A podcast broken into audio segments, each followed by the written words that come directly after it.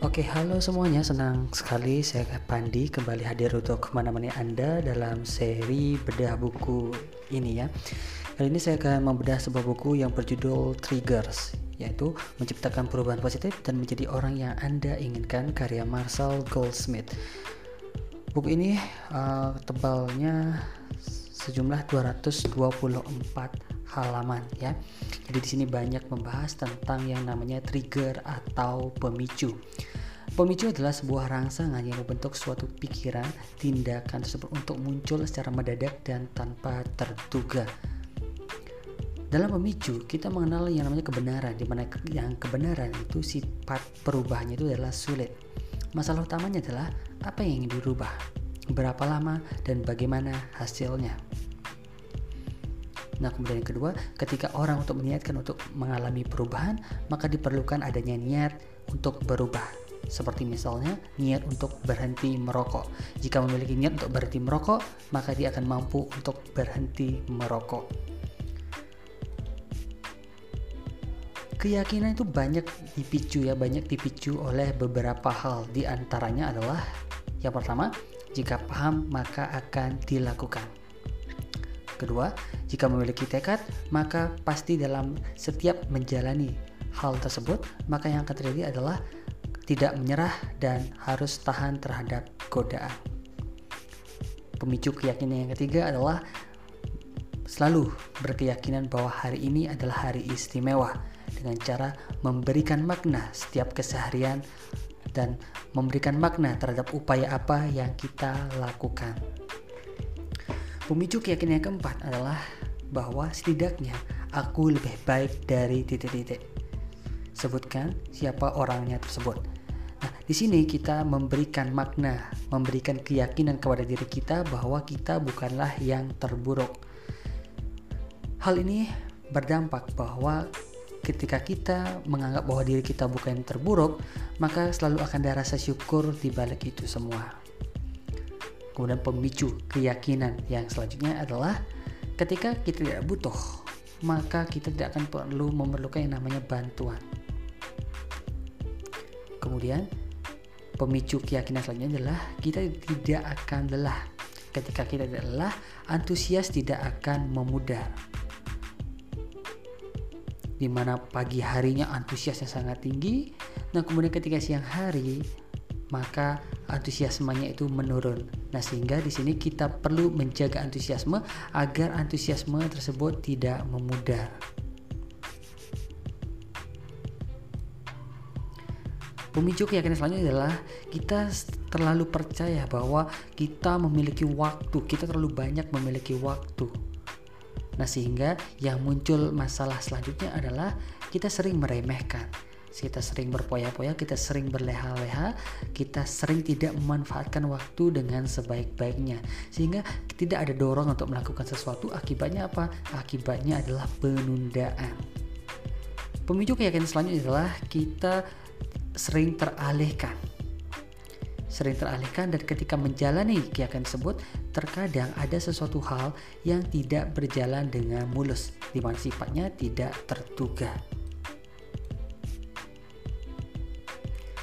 Pemicu keyakinan selanjutnya adalah kita sering menganggap bahwa perubahan yang akan kita lakukan adalah perubahan yang bersifat permanen.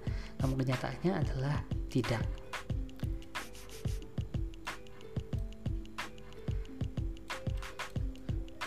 Nah kemudian kita juga bisa ya dalam buku ini kita di, diajarkan bagaimana caranya mengidentifikasi uh, sebuah pemicu. Pemicu itu lahir dari sebuah lingkaran-lingkaran feedback dengan melalui empat tahapan yaitu pertama adalah bukti, hubungan, konsekuensi, tindakan. Contoh misalnya ketika kita ada di sebuah jalan di mana kita sering atau kerap kita lihat ada sebuah rambu. Nah, ketika kita melihat rambu tersebut, maka kita akan melihat kecepatan kita. Misalnya adalah rambu yang menyatakan bahwa batas kecepatan maksimal adalah 80 km per jam. Nah, ketika kita melihat rambu tersebut, maka selanjutnya adalah kita akan melihat kecepatan kita, kecepatan speedometer kita. Apakah kecepatan speedometer kita lebih dari 80 km atau tidak? Nah, kemudian kita akan mematuhi. Mematuhi dalam konteks ini adalah disebut dengan hubungan. Nah, ketika kita sudah ada upaya untuk mematuhi, biasanya diiringi atau dilandasi karena rasa takut ditilang mungkin atau takut nabrak sesuatu, takut terjadinya kecelakaan, maka tahapan ini disebut dengan tahapan konsekuensi. Nah, hasil dari tahapan bukti, hubungan, dan konsekuensi tersebut akan memunculkan yang namanya tindakan. Dalam bentuk, kita akan memperlambat laju kendaraan kita. Karena, sekali lagi, definisi dari pemicu itu adalah sebuah rangsangan yang mempengaruhi perilaku kita. Pemicu dipengaruhi oleh beberapa hal. Yang pertama adalah pemicu yang terjadi secara langsung Maksudnya adalah pemicu secara langsung ini adalah pemicu yang berpengaruh secara langsung terhadap uh, terhadap diri kita. Seperti misalnya langsung menginjak rem saat melihat anak di jalan atau melihat orang yang tiba-tiba menyeberang jalan maka secara otomatis kita akan langsung langsung menginjak rem. Nah, sedangkan pemicu yang kedua, pengaruh pemicu adalah secara pengaruh yang secara tidak langsung. Di mana ter, terjadi di dalam diri kita. Ya itu bisa saja melalui proses proses meditasi. Kemudian ada uh, misalnya ketika terlalu sering melakukan proses meditasi maka lambat laun maka uh, rasa atau state dalam meditasi tersebut akan semakin mudah kita raih gitu ya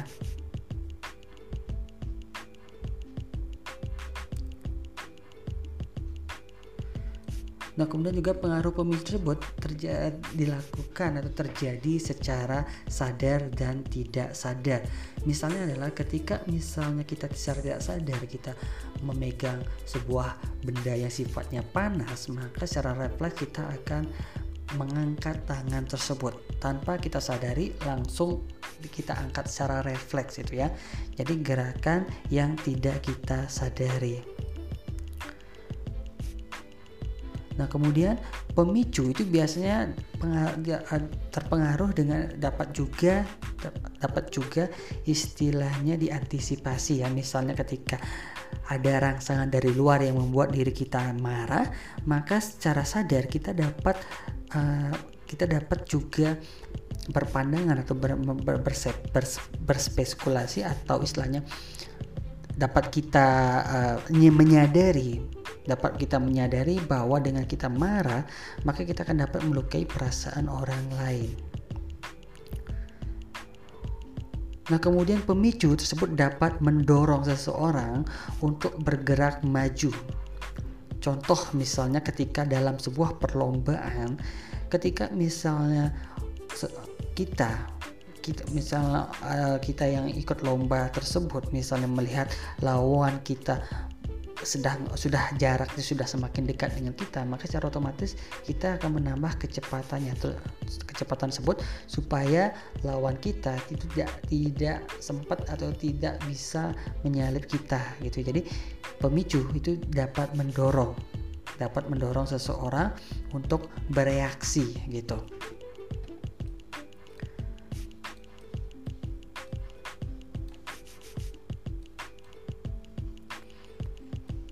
jika kita tak paham ya paham uh, bagaimana pemicu keyakinan bagaimana uh, iden mengidentifikasi munculnya trigger atau pemicu tersebut maka kita perlu paham selanjutnya adalah bagaimana cara pemicu tersebut bekerja Pemicu tersebut bekerja melalui tahapan disebut dengan ABC yaitu antecedent di mana antecedent uh, di mana antecedent ketika ada suatu peristiwa tersebut, ketika ada suatu peristiwa, maka peristiwa tersebut akan memicu yang namanya behavior.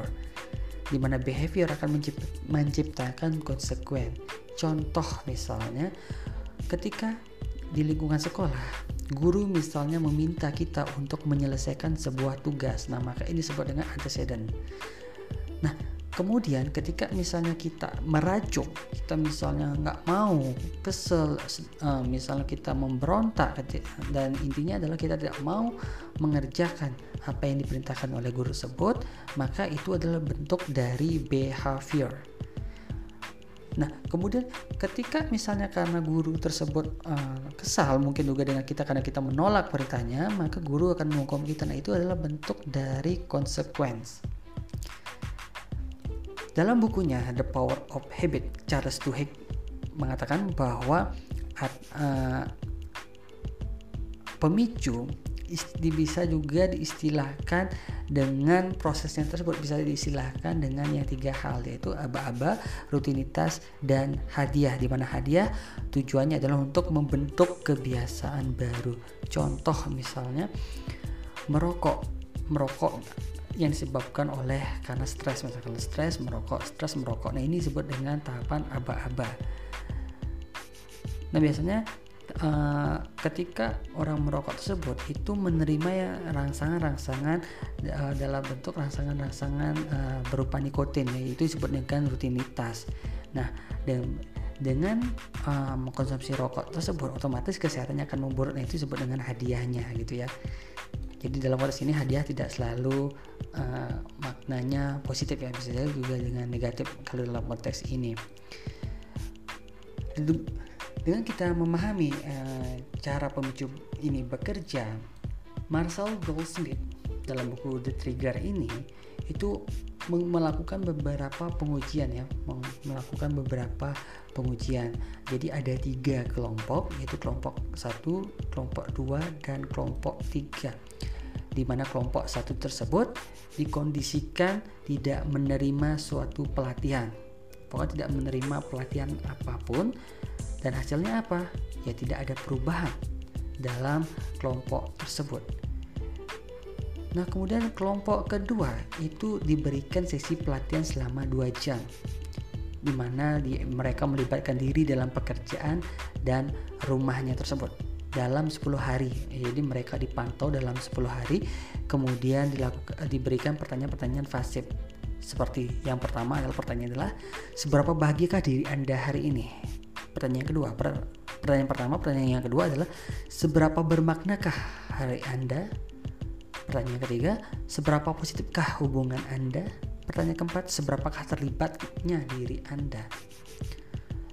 Dalam 10 hari masa pengamatan tersebut, ternyata terjadi perubahan dalam empat area di mana dalam kelompok kedua tersebut yaitu area kebahagiaan, makna, positif, dan keterlibatan.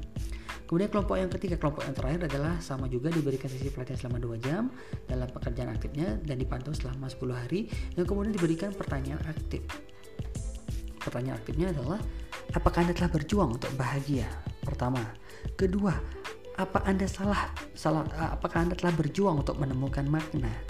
Pertanyaan ketiga, apa Anda telah berjuang membangun hubungan positif dengan orang? Pertanyaan keempat, apakah Anda telah berjuang untuk terlibat sepenuhnya? Nah, alhasil dalam 10 kali 10 hari masa pengamatan terjadi peningkatan dua kali lipat dibandingkan kelompok kedua. Jadi luar biasa sekali perubahan yang diterima oleh kelompok ketiga dibandingkan perubahan yang terjadi dalam kelompok kedua dan kelompok pertama. Ya sehingga kita bisa menerapkan juga pertanyaan-pertanyaan tersebut ya. Jadi Marcel Goldsmith mengemukakan atau merumuskan ada enam pertanyaan yang akan membuat diri kita mengalami proses transformasi gitu ya. Pertanyaan pertama adalah apa aku telah memasang tujuanku hari ini? Pertanyaan kedua adalah apakah aku telah berjuang untuk membuat kemajuan membuat kemajuan untuk mencapai tujuanku hari ini? Pertanyaan ketiga, apa aku telah berjuang mencari makna untuk hari ini? Pertanyaan keempat, apakah aku telah berjuang untuk mencapai kebahagiaan hari ini? Pertanyaan kelima, apakah aku telah berjuang untuk membangun hubungan positif hari ini? Pertanyaan keenam, apakah aku telah berjuang untuk terlibat sepenuhnya dalam hal ini? Enam pertanyaan ini, enam rumusan pertanyaan ini sudah dilakukan uh, praktek sudah di uh, istilahnya sudah diujikan lebih dari 2537 partisipi, partisipan. Nah, hasilnya luar biasa di mana setelah praktek selama 10 hari di, ditemukan atau di, uh, di apa disimpulkan bahwa 37% partisipan melaporkan perkembangan dalam seluruh enam area dalam kehidupan mereka. Kemudian yang kedua, 65% berkembang dalam empat hal, 89% berkembang satu hal, 11% tak berubah dalam satu hal apa pun, dan 0,4% memburuk dalam satu hal. Nah, jadi itulah ya. Jadi itulah uh, bagaimana pemicu bekerja dalam diri kita dan bagaimana kita mengolah pemicu tersebut untuk kita terapkan untuk mencapai proses transformasi ya, transformasi hidup ke arah yang lebih baik lagi.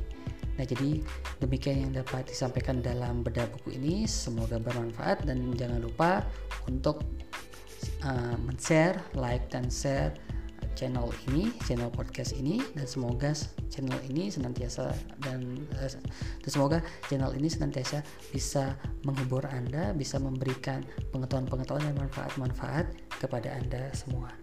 Terima kasih, sampai jumpa. Bye bye.